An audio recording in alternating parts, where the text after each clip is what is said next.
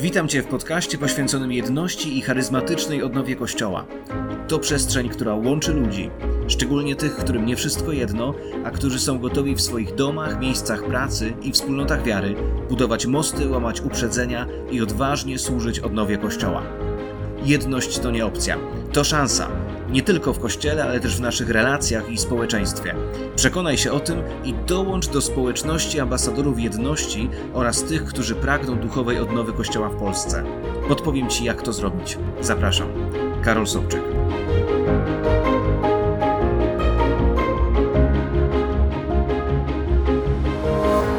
Witaj w czwartek. Pozwól, że na początku podzielę się z Tobą moją wielką radością. Właśnie przede mną stoi piękny, nowy, profesjonalny mikrofon do nagrywania dźwięku. I tym właśnie mikrofonem nagrywam dla Ciebie ten podcast. Ten mikrofon, drugi mikrofon i interfejs audio to są rzeczy, które udało mi się zakupić dzięki pomocy kilku osób, które w ostatnim czasie wsparły ten projekt, to przedsięwzięcie Nie Wszystko Jedno. Jeśli jesteś jedną z tych osób, chcę Ci bardzo podziękować, bo dzięki Tobie te właśnie materiały dotyczące jedności, budowania dialogu, budowania szacunku, budowania mostów będą mogły docierać do wielu ludzi w Polsce i za granicą, aby zmieniać kulturę Kościoła i świata, w którym żyjemy. A przez to, że udało się zakupić dwa mikrofony, wierzę, że już niedługo uda mi się podjąć pierwsze rozmowy, którymi chętnie podzielę się z Tobą w najbliższym czasie. Ten ostatni tydzień był bardzo gorący. To był tydzień modlitw o jedność chrześcijan i wiele rzeczy działo się w Polsce. Pozwól, że zanim przejdę do tematu dzisiejszego odcinka, który dla mnie jest niesamowicie fascynujący, podzielę się krótko takim małym streszczeniem tego, co się stało. W Łodzi odbyło się centralne nabożeństwo ekumeniczne.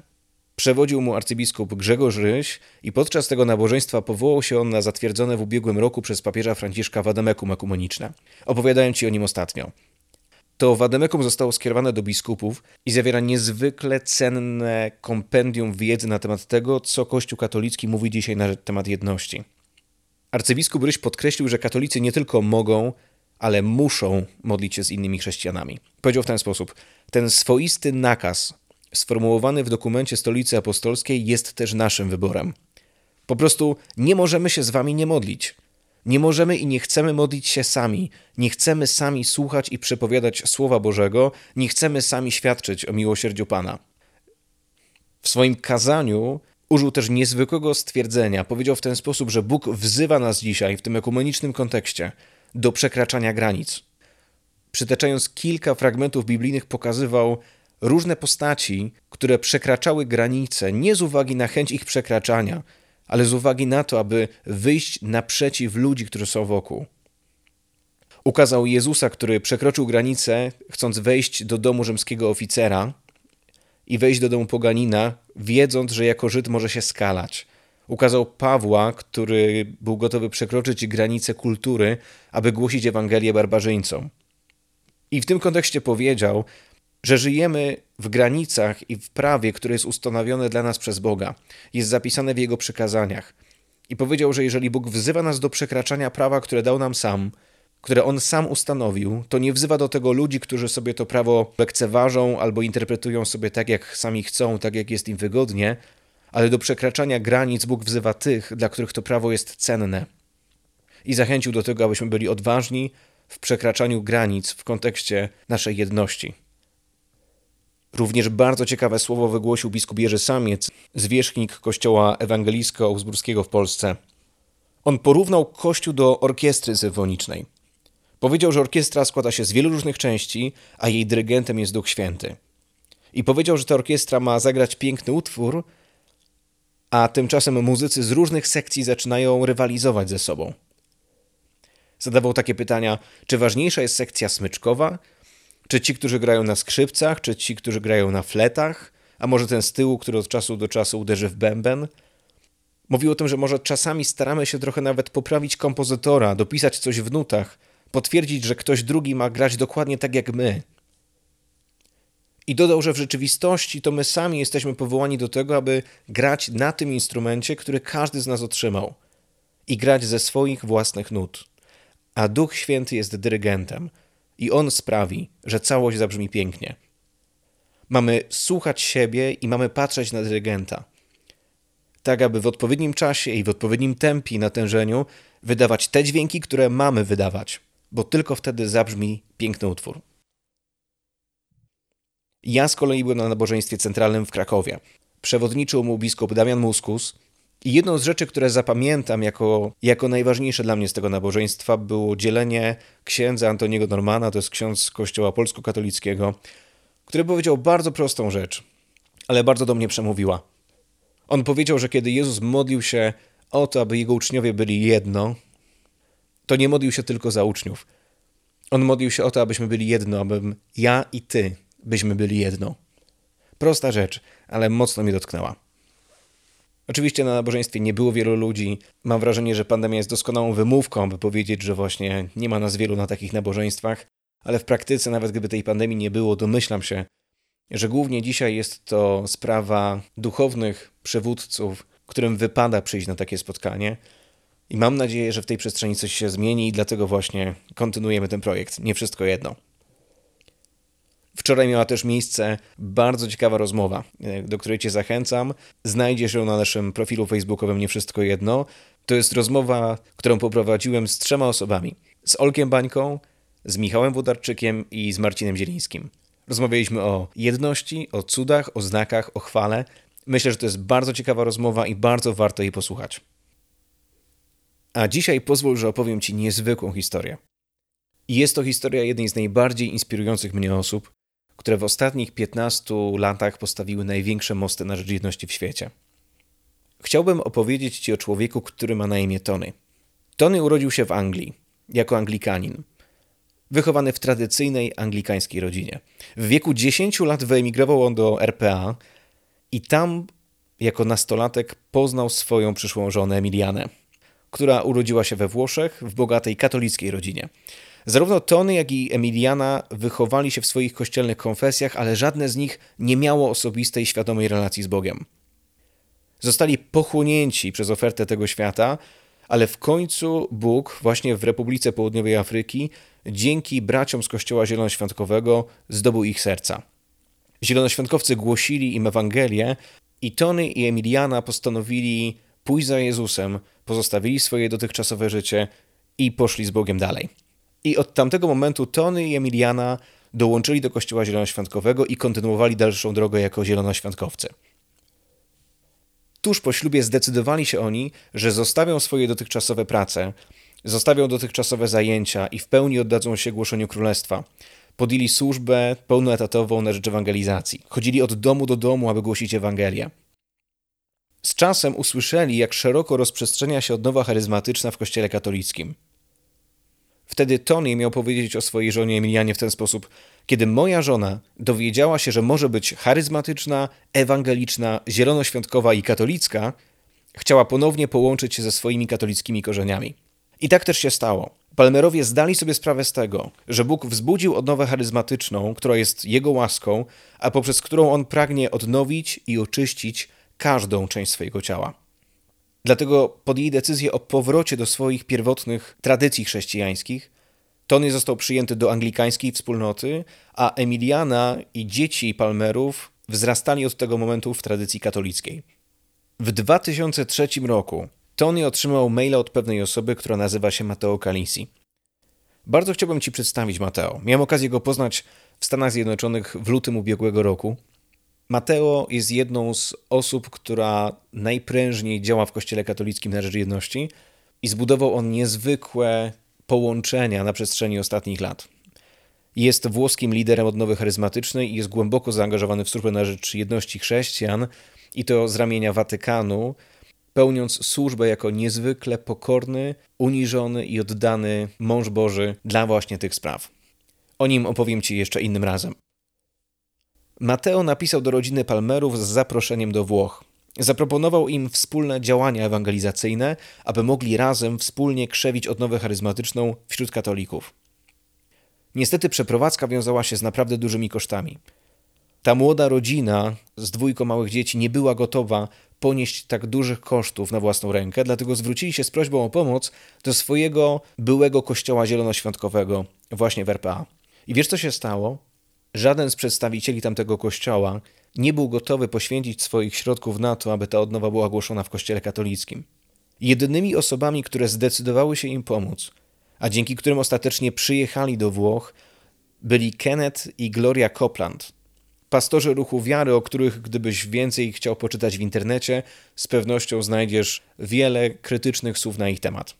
Zarzuca się im Ewangelię sukcesu i inne rzeczy, ale właśnie wtedy oni byli jedynymi osobami, które były gotowe na to, aby pobłogosławić tych właśnie dwoje ludzi do tego, aby wylecieli do Włoch. Dzięki Kennethowi i Glorii jeszcze tego samego roku Palmerowie rozpoczęli służbę katolikom. Niedługo potem Mateo zabrał Tonego do Buenos Aires. Tam on, Mateo i jeszcze trzy osoby z różnych denominacji, to była jedna osoba z kościoła prawosławnego i dwóch Anglikanów, podjęli braterską inicjatywę na rzecz jedności chrześcijan. Nieśli oni takie wspólne przeświadczenie, że skoro Duch Święty przez odnowę charyzmatyczną gromadzi dzisiaj tradycje chrześcijańskie w tak szeroki sposób, to znaczy, że gromadzi je po to, aby wszyscy byli jedno. W ramach podejmowanych działań zapraszali coraz większą liczbę chrześcijan różnych wyznań i różnych denominacji, którzy gromadzili się na wspólnej modlitwie i dzieleniu się Słowem Bożym. A raz do roku ci wszyscy ludzie uczestniczyli w realizacji naprawdę dużych spotkań charyzmatycznych w stolicy Argentyny, na które od 2004 roku zaczął uczęszczać tamtejszy kardynał Jorge Maria Bergoglio. Przez pierwsze dwa lata ten hierarcha był biernym uczestnikiem tych wielkich, stadionowych spotkań. Sytuacja zmieniła się w 2006 roku. Wówczas, podczas popołudniowej części konferencji, kardynał Bergoglio został poproszony o przemówienie do zgromadzonych pięciu tysięcy ludzi.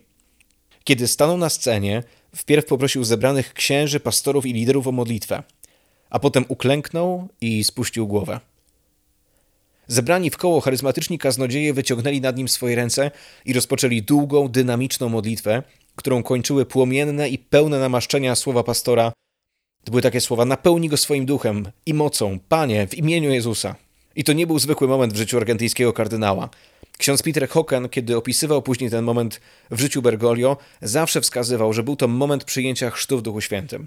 Jeden z najbardziej znanych biografów kardynała Bergoglio, brytyjski dziennikarz i katolik Austen Iverreich, napisał w ten sposób: Dla tych, którzy go znali, nadzwyczajny był nowy żar, pasja, napięcie, jasność, moc towarzyszącej jego mowie. Nawet potrząsał wzniesionymi ramionami i bił w powietrze w najlepszym stylu religijnych odnowicieli. Kardynał pałał ogniem. W kolejnych latach kardynał nie tylko uczestniczył i nie tylko przemawiał na tamtejszych ekumenicznych konferencjach, ale wychodził na cały dzień na scenę i stojąc na scenie przez cały dzień włączał się w modlitwę uwielbienia. Od tamtego czasu kardynał Bergoglio zaczął zapraszać miejscowych pastorów do regularnych comiesięcznych spotkań modlitewnych. Na modlitwie zbierała się mała, kilkuosobowa grupa, która przez około półtorej godziny wspólnie z kardynałem łączyła się w spontanicznej modlitwie, takiej jaką praktykuje się we wspólnotach ewangelikalnych. Co ciekawe, pastorzy nie zwracali się do Jorge Bergoglio formalnie. Nie mówili per kardynale. On poprosił ich, aby mówili do niego bezpośrednio, po imieniu dodając albo jesteśmy braćmi, albo nie jesteśmy. Ale coś bardzo ciekawego stało się w 2009 roku, czyli po trzech latach regularnych spotkań z pastorami. Po jednym z takich modlitewnych spotkań, jeden z pastorów podszedł do kardynała Bergoglio i wyraził swój niepokój. Zwrócił uwagę, że nie jest możliwe służyć na rzecz nowej ewangelizacji, jeśli 95% księży katolickich nie ma osobistego doświadczenia zmartwychwstałego Chrystusa. Kardynał Bergoglio zgodził się z tą diagnozą i wspólnie z grupą pastorów zaczął szukać możliwości rozwiązania tego problemu. Owocem rozmów było coś niezwykłego. Kardynał Bergoglio podjął decyzję, aby zorganizować w biskupim domu rekolekcyjnym rekolekcje, które poprowadzą pastorzy dla zgromadzonych księży. Odbyły się dwie edycje tych rekolekcji w 2010 roku i w 2012.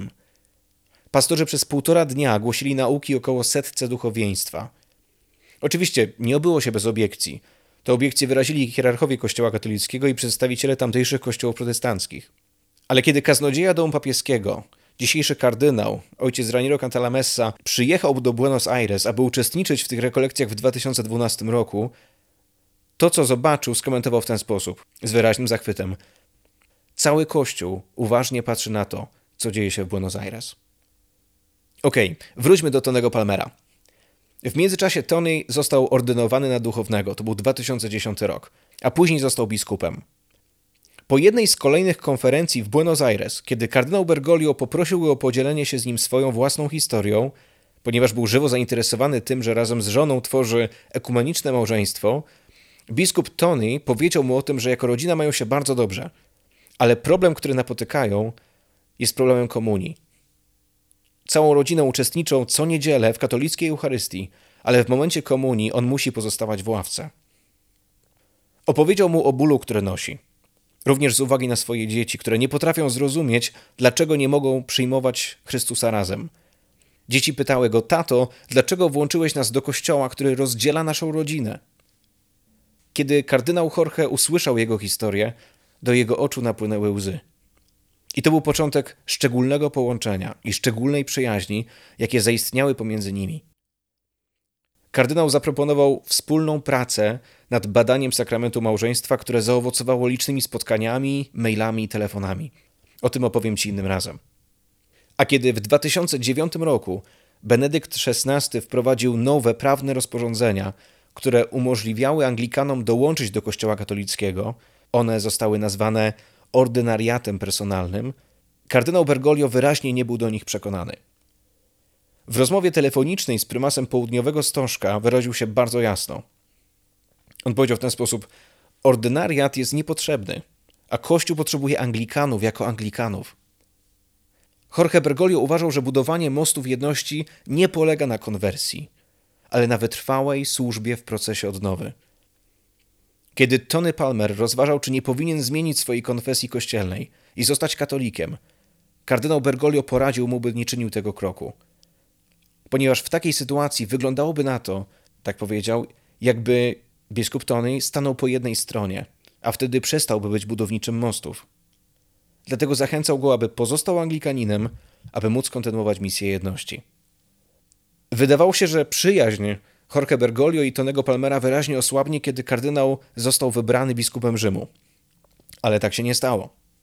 Już kilka miesięcy po konklawę papież Franciszek, którego na tamtym etapie relacji Tony traktował już jak swojego ojca duchowego, nawet mówił do niego Padre Mario, zaprosił anglikańskiego biskupa do siebie. I wtedy Tony Palmer wspomniał o tym, że był pewien człowiek w jego życiu, który nazywał się Kenneth Copeland. I ten Kenneth bardzo mu pomógł bo dzięki niemu tak naprawdę przyleciał do Włoch i dzięki niemu mógł zacząć służbę na rzecz jedności szerzej. I powiedział, że ten Kenneth organizuje wkrótce dużą konferencję. I zapytał, czy czasem papież nie zechciałby przesłać na czas tego wydarzenia jakiejś wiadomości. Papież Franciszek zapytał, a może byśmy nakręcili film? Po czym poprosił Tonego o to, aby swoim iPhone'em nagrał siedmiominutowe przesłanie. To przesłanie jeszcze dzisiaj wieczorem umieszczę na Facebooku Nie Wszystko Jedno. W tym przesłaniu papież Franciszek powiedział, że obecnie jako bracia jesteśmy między sobą odseparowani ze względu na długą drogę grzechu i na nieporozumienia, w których każdy z nas ma swój udział. Powiedział też w ten sposób, to jest cytat: Jest we mnie ta tęsknota, żeby separacja się skończyła i żebyśmy byli zjednoczeni. Jest we mnie ta nostalgia, tęsknota tego uścisku. Pismo Święte mówi, że gdy bracia Józefa zaczęli cierpieć głód, Poszli do Egiptu, aby kupić coś do jedzenia. Mieli pieniądze, ale nie mogli jeść pieniędzy. Ale znaleźli coś więcej niż jedzenie. Znaleźli swojego brata. Wszyscy mamy walutę, walutę naszej kultury, historii. Mamy wiele bogactw kulturowych i religijnych. Wszyscy mamy też różne tradycje, ale musimy spotkać się jako bracia. Musimy płakać tak jak Józef. Te łzy nas zjednoczą. Łzy miłości. Mówię do Was jako Wasz brat. Niech ta nostalgia, niech ta tęsknota rośnie w nas. Ona nas napędzi i sprawi, że przyspieszymy i znajdziemy jedni drugich, obejmiemy siebie nawzajem i razem będziemy wielbić Jezusa Chrystusa jako jednego Pana historii. Na koniec swojego przesłania, prosząc o przekazanie sobie nawzajem duchowego uścisku, papież Franciszek podsumował: Pozwólmy, żeby Bóg dokończył pracę, którą rozpoczął. A to, co Bóg czyni, to cud. Cud naszej jedności, który już się rozpoczął. Tydzień po tym spotkaniu biskup Tony udał się na konferencję do Teksasu, aby przedstawić zebranym pastorom nagranie z pozdrowieniami od papieża Franciszka. Wyszedł na scenę i wygłosił płomienne przemówienie, w którym odwołał się do podpisanego wspólnie między katolikami a luteranami dokumentu o usprawiedliwieniu z 1999 roku. Wskazał, że ta deklaracja zakończyła spór, który trwał przez kilka wieków naszej historii. Teologiczna kość niezgody, która nie pozwalała nam iść razem, została złamana. Protest Lutra się skończył, a wasz? apelował do zgromadzonych pastorów. Protest skończył się 15 lat temu. Skoro nie ma protestu, jak może istnieć Kościół protestancki? Może teraz wszyscy będziemy katolikami, ale katolikami zreformowanymi, katolikami w sensie powszechnym, bo już nie protestujemy, już nie spieramy się z Kościołem katolickim o doktrynę zbawienia. Głosimy tę samą Ewangelię, zbawienie z łaski przez wiarę. Po obejrzeniu na tym wielkim ekranie słów pozdrowienia od papieża Franciszka, przywódcy kościołów zgromadzeni w dużej konferencyjnej sali wstali ze swoich miejsc i rozpoczęli żarliwą i pełną ducha modlitwę za papieża Franciszka. Pomimo, że nagrane przesłanie było wyłącznie prywatną wiadomością, miesiąc po konferencji ktoś opublikował ją w serwisie YouTube. Przesłanie papieża niczym wirus zaczęło się rozprzestrzeniać od kościoła do kościoła, od wspólnoty do wspólnoty, od pastora do pastora. A Tony Palmer został zasypany mailami z prośbami od pastorów zborów ewangelicznych i zielonoświątkowych z całego świata, bo wszyscy chcieli być częścią tego cudu jedności. Owocem tej sytuacji było to, że biskup Tony zgromadził przedstawicieli niekatolickich kościołów i zwrócił się do papieża z inicjatywą spotkania. W odpowiedzi w czerwcu w 2014 roku papież Franciszek zaprosił do Rzymu liderów kościołów protestanckich i zielonoświątkowych, którzy łącznie z biskupem Rzymu stanowili reprezentację 80% światowej populacji chrześcijan. Podczas dwugodzinnego lunchu papież Franciszek, zaznaczając z całą stanowczością, że nie jest zainteresowany jakimkolwiek prozelityzmem, mówił o swoim pragnieniu, aby każdy chrześcijanin doświadczył osobistego spotkania z Jezusem Chrystusem. Mówił też, że zaczyna się nowa era w relacjach pomiędzy katolikami i ewangelikalnymi chrześcijanami. A atmosfera spotkania była pełna radości, było, było dużo dawki śmiechu. I to wszystko stworzyło znakomity grunt dla nowej wspólnej drogi jedności. Nie przez oficjalne uzgodnienia, ale przez braterską miłość. Niestety miesiąc później stało się coś, czego nikt nie przewidywał. W motocykl, którym jechał Tony Palmer, uderzył samochód. Przez 10 godzin trzy zespoły chirurgów próbowały uratować życie biskupa. Ale Bóg uznał, że jego ziemska misja dobiegła już końca. Tony odszedł do domu ojca i pozostawił Emilianę i dwójkę swoich nastoletnich dzieci. Pogrzeb tego sługi jedności był niezwykły. Odbył się on w Bath, w Anglii.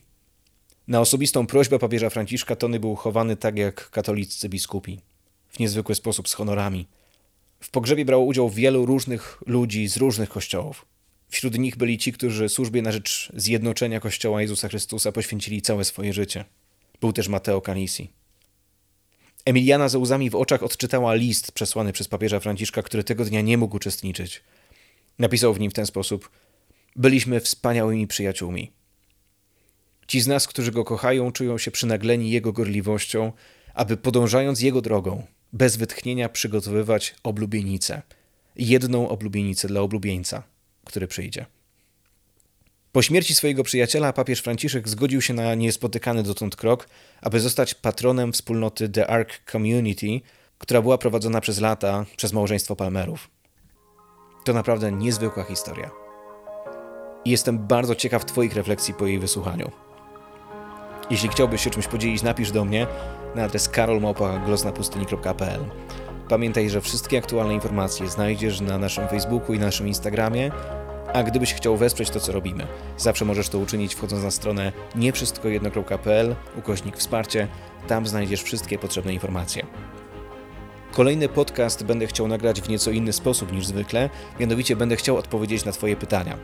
To będzie taki mały QA, więc jeśli masz jakieś pytania, jeśli masz jakieś wątpliwości, jakieś rozterki, jest coś, co chciałbyś, abym poruszył w kolejnym nagraniu, proszę napisz do mnie, skontaktuj się ze mną.